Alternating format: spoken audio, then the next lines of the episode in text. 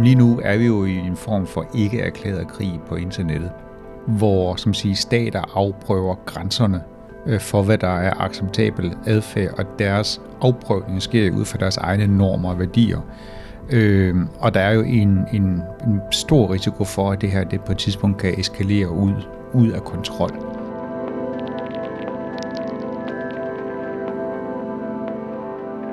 Verden er blevet forandret drastisk med digitaliseringen og det allestedsneværende internet. Udviklingen har på mange måder været med til at berige vores dagligdag. Vi kan kommunikere med hinanden på tværs af lande og kontinenter. Nye forretningsmuligheder er opstået, og adgangen til informationer er blevet langt lettere. Men der er en skyggeside. De mange cyberangreb, vi dagligt kan læse om og høre om i medierne. Det er ikke bare angreb mod borgere og virksomheder, det er også angreb, der retter sig mod vores land, mod Danmark. Den digitale udvikling betyder, at det er sværere og sværere at holde fremmede magter på afstand, for angreb og spionage finder i stigende grad sted over internettet. Hvad værre er, vi mangler klare regler og normer for, hvad der kan accepteres, når det kommer til cyberangreb rettet fra et land mod et andet. Derfor handler det i denne episode af Dansk IT's tech og strategi i øjenhøjde om cyberangreb og cyberkrig og om manglen på normer og konventioner, der kan hindre, at situationen løber løbsk. Stemmen, du hørte her i indledningen af podcasten, tilhører Thomas Kristmar, der er medlem af Dansk IT's fagråd for informationssikkerhed. Til daglig er han senior manager i KPMG, og så har han tidligere blandt andet været policychef i Center for Cybersikkerhed under Forsvarets efterretningstjeneste. Thomas Krismar indleder interviewet med at tage os tilbage til begyndelsen af den kolde krig. På mange måder så minder den nuværende situation på internettet sig jo meget om det, der skete der omkring øh, atomvåben der i slutningen af 40'erne og starten af 50'erne, hvor der var stater, der fik mere og mere kapacitet, og de deployerede så deres øh, nukleare våben ud til mindre og mindre enheder for at øh, for at bedre kunne anvende den. Og det betød bare, at det blev rigtig, rigtig vanskeligt øh, at, at holde styr og kontrol med. Og det eskalerede så op til Kubekrisen i 62, hvor man jo pludselig havde en situation, hvor en atombevæbnet russisk uvandsbåd var jo en person fra at starte 3. verdenskrig, hvis ikke en kaptajn ikke havde nægtet at fyre et atom torpedo af, så var 3. verdenskrig brudt ud. Og det er jo det, der ligesom gjorde, at store magterne sagde, okay, det her, det var fandme tæt på, nu er vi nødt til at mødes og snakkes om det. Vi er noget, der minder på vej hen ad den der sti. Det vi ser lige nu, det er jo eksempelvis, øh, nu er vi her i midten af juni måned, øh, hvor øh, New York Times har lavet en artikel, hvor de siger, at USA nu som modsvar på det russiske angreb på det amerikanske elsystem, har øh, lavet et tilsvarende forberedende angreb på det russiske elsystem. Det er ikke, det er ikke krig. Det er sådan forberedende handling, men det er at ramme sådan en civil infrastruktur, som er i politisk noget for noget signalering. Det er en farlig vej at gå. Andet eksempel, øh, i forbindelse med den amerikanske midtvejsvej, midtvejsvalg, øh, så var den amerikanske militærkommando, Cyber Command, de sagde offentligt, at de havde øh, forhindret Internet Research Agency, altså den der troldefabrik, som er i St. Petersborg, øh, i at udføre deres arbejde hen ad nogle dage. Hvis man lige tager et skridt tilbage og siger, hvad er det i virkeligheden, der er sket her, så har du altså en militær kommando i et andet land, som indrømmer, at de har angrebet en privat okay, vi kan diskutere, hvor privat den er, men jeg angrebet en virksomhed i et andet land på deres territorium. Havde det ikke været med cyber, havde det været med et missil, eller en patron, eller whatever, så havde det været en krigshandling. Men det er jo dramatiske ord, du sætter på mm. her, og man kan vel sige, at når du nu drager parallellen til det, der skete i, øh, i starten af 60'erne med Kuba-krisen, der var jo øh, missiler involveret, og de kan slå mennesker ihjel. Mm. Øh, på den måde er det vel anderledes det her, der trods alt ikke i første omgang er udsigt til, at det er noget, der koster liv. Øhm, det er det jo faktisk, fordi de cyberangreb, man ser, eksempelvis det formodede iranske angreb på Saudi-Arabien, der har det jo en statslig aktør, som bevidst forsøger at forhindre de sikkerhedsmekanismer, der skal forhindre, at det petrokemiske øh, værk eksploderer, det var de inde og sabotere med det specifikke formål for det til at sabotere. Så der, man sige, der er alle elementerne til det her, det kan koste menneskeliv. Og det er derfor, øh, jeg tror, man som nation, som Danmark, begynder at sige, hmm, øh, skal vi bare vente på at se, at, øh, at øh, normerne udvikler sig, hvad man selv finder ud af, hvad der er, er passende, eller er det i virkeligheden noget, vi skal, vi skal begynde at, øh, at tage en aktiv stilling til? Hvad synes vi selv er acceptabel adfærd? Hvis, hvis, øh, hvis en russisk øh, ubåd øh, kommer ind i dansk mm. farvand, så vil reaktionerne jo typisk være meget voldsomme, fordi vi føler det som et overgreb på vores suverænitet. Hvorfor mm. tror du, at der i første omgang ikke, ikke er den samme voldsomme reaktion, når det er noget, der foregår i, på internettet?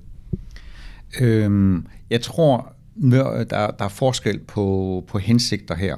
Når en, en, en russisk ubåd bevæger sig ind på et andet lands territorium, så øh, kan man relativt hurtigt opdage det, og så kan man have en afvisningsberedskab. Det har vi også på flyvevåbnet. Øhm, og, og det har jo en eller anden form for etableret proces for signalering, øh, hvordan man gør sådan noget mellem staterne. Øhm, når du så snakker om, om cyber, så det, der vil gøre forskellen, det er jo også, øh, hvad er hensigten med det, du gør det med? For der er jo nogle af de her øh, cyber operationer, cyberangreb, som jo et eller andet sted må siges, det er sådan set okay, det her det er inden for skiven. Øh, case in point. Øh, da kineserne de angreb det, der hedder OPM i USA, så er det jo, OPM det er den statslige amerikanske personalestyrelse, som har listen over at man siger, alle amerikanere, der har en sikkerhedsudkendelse. Det er selvfølgelig rigtig, rigtig ærgerligt, øh, hvis du er amerikaner og har en sikkerhedsudkendelse, alle dine data bliver stjålet, men sådan set en lille smule kynisk og realistisk må, måske også, så er det her jo et, et legitimt mål for en anden stat. Det er faktisk også sådan, at den daværende chef for de nationale amerikanske efterretningstjenester vil sige, det var ærgerligt, men det her det er fair game. Så det er ikke, øh, altså spionage vil jo finde sted. Altså det har jo altid fundet sted, det kan man jo ikke forhindre. Øh, men man kan jo godt diskutere, hvorvidt destruktive angreb, angreb, der har det formål at ødelægge eller forberede ødelæggelse af kritisk infrastruktur i en situation, hvor der ikke er en erklæret krigs, hvor der ikke er en, en krigserklæring på banen, er det acceptabel adfærd? Fordi at så er man tilbage til det her med, at hvis man tager et missil og skyder ned i, i, i et øh, energiværk øh, et eller andet sted og ødelægger energiforsyningen på den måde, jamen så, så er det en klar overskridelse af det, man, man må, medmindre der er selvfølgelig erklæret en, en, øh, en krig. Øh, men hvis det foregår på cybermaner, så er det lige pludselig øh, noget andet. Ja, fordi i den situation, man er i dag, der har du jo, øh, øh, du ved, Genève-konventionen, der er sådan en krigens lov, der er ting, man må gøre som krigsførende part, og ting, man ikke må gøre for krigsførende part, og der er ting, der skal være til stede, før der har talt om en krig. Jeg er ikke jurist, men jeg har fået at vide af folk, der er klogere end mig på det her område, at de siger, jamen der er krigens lov gælder selvfølgelig op til cyber. Der er bare ikke rigtig nogen, der er i stand til sådan at klart at sige, hvor går grænsen. Så det bliver i virkeligheden de enkelte lande, egne normer, eget moralkodex, som siger, for noget er okay eller ikke okay. I dag er det på den fysiske verden, og hvis du går tilbage til Genève-konventionen og, og den slags, så er det jo universelt anerkendt, at det at bruge kemiske våben, det er no-go. Det forhindrer det, at andre bruger det. Nej, det har vi jo set i Syrien. Det sker jo. Men der er jo alligevel en tilbageholdenhed, nogen der ikke gør noget, som man kunne gøre der har man fået den her universelle forståelse af, hvad der er acceptabel adfærd. Og det, jeg nok siger, det er, at Danmark er nok kommet til en situation, hvor vi skal også engagere sig i den her diskussion, fordi hånden på hjertet, kvæg vores militære CNO-kapacitet, er vi jo også en del af problemet. Vi har jo også kapaciteter i Danmark. Så det, det du virkelig siger, det er, at der mangler øh, ligesom når vi har en, nogle internationale normer, der gør, at man bare ikke bruger kemiske våben, medmindre man er, er, øh, er i Syrien, øh, så øh, er der ikke på samme måde nogle internationale normer, der gælder på cyberområdet, altså hvor man ligesom grundlæggende er enige om, hvad man må og ikke må. Der er to skoler i det her, øh, mindst. Øh, den ene går på at sige, at der er ikke behov for mere. Vi har Genève-konventionen, alt er fint, og hvis det er krig, så styrer det Genève-konventionen, alt er i orden. Den anden er så, jamen vi kan jo se den adfærd, som eksempelvis Rusland udviser Øh, det overskrider noget, man synes, der er passende og acceptabelt. Det, som Iran angiveligt udviser i forhold til Saudi-Arabien, er det acceptabelt og passende, når du ikke har en krig.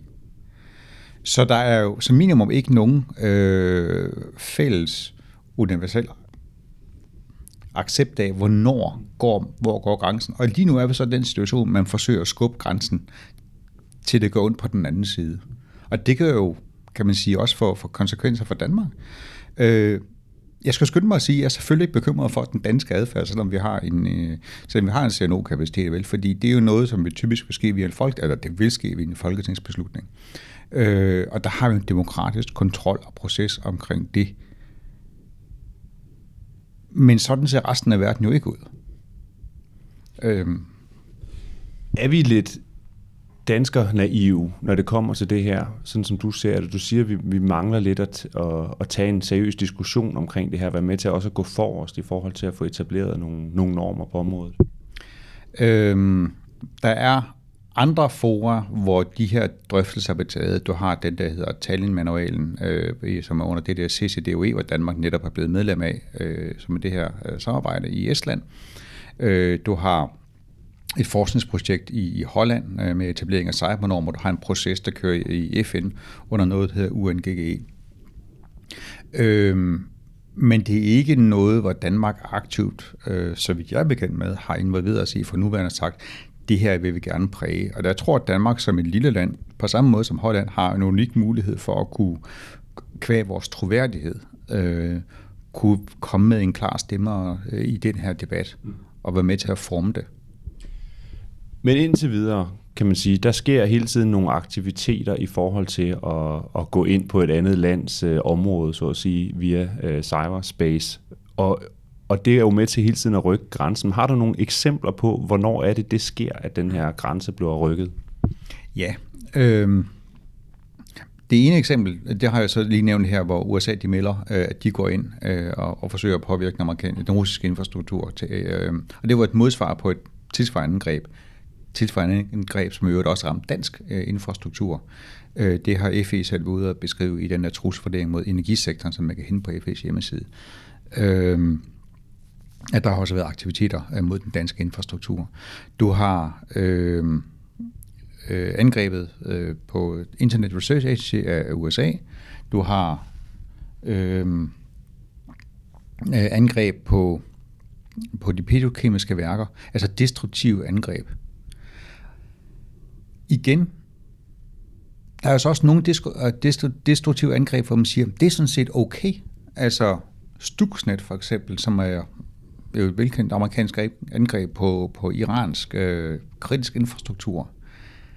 Hmm, der, der er den almindelige konsensus, at det var sådan set okay, for alternativet til et cyberangreb her, det var noget, der var langt værre.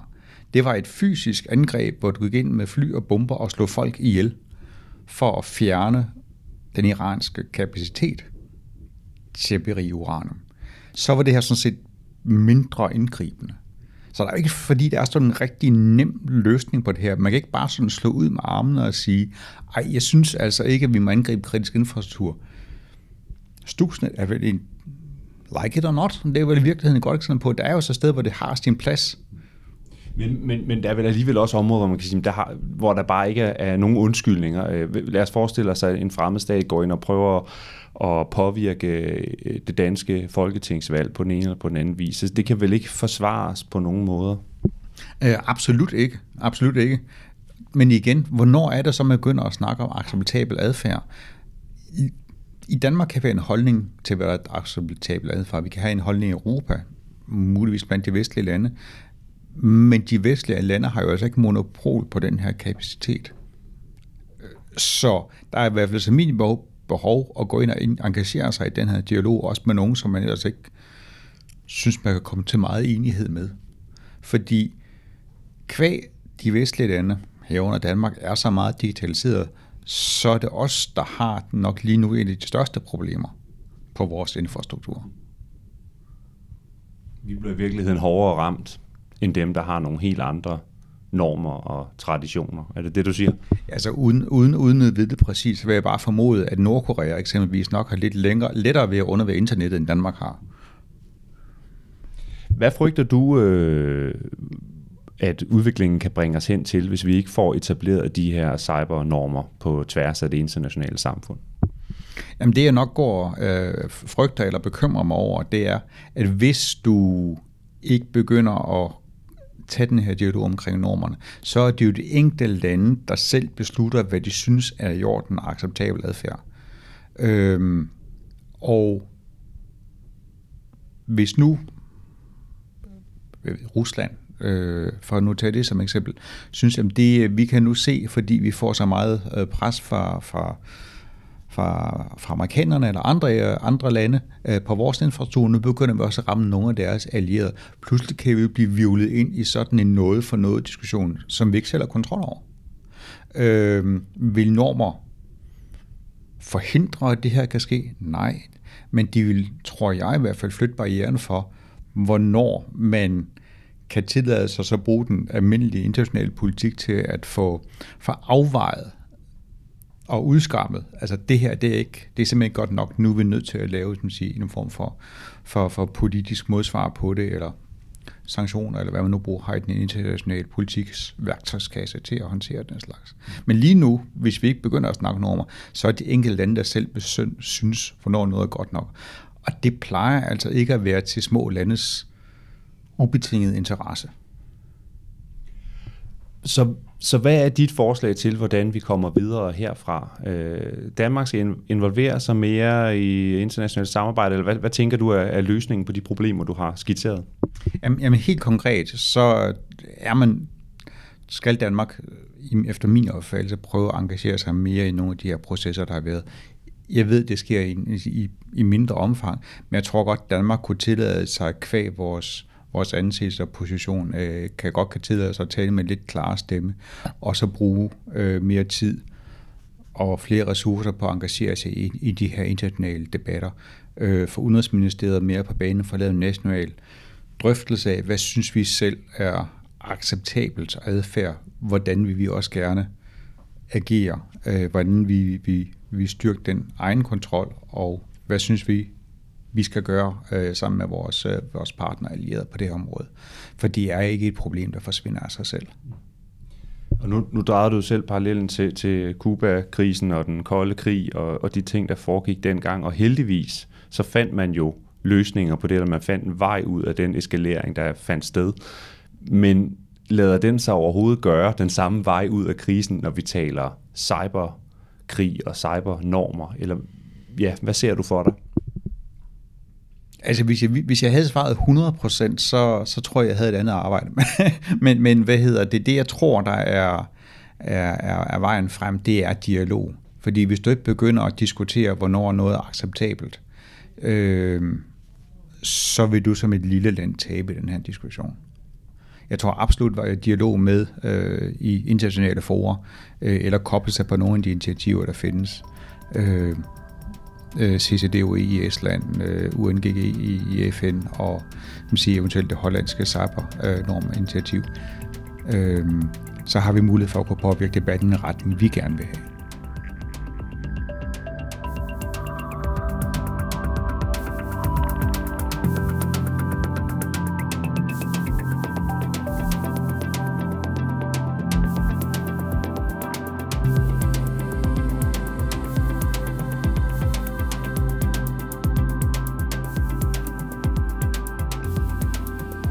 Du har lyttet til Dansk IT's podcast Tech og Strategi i øjenhøjde.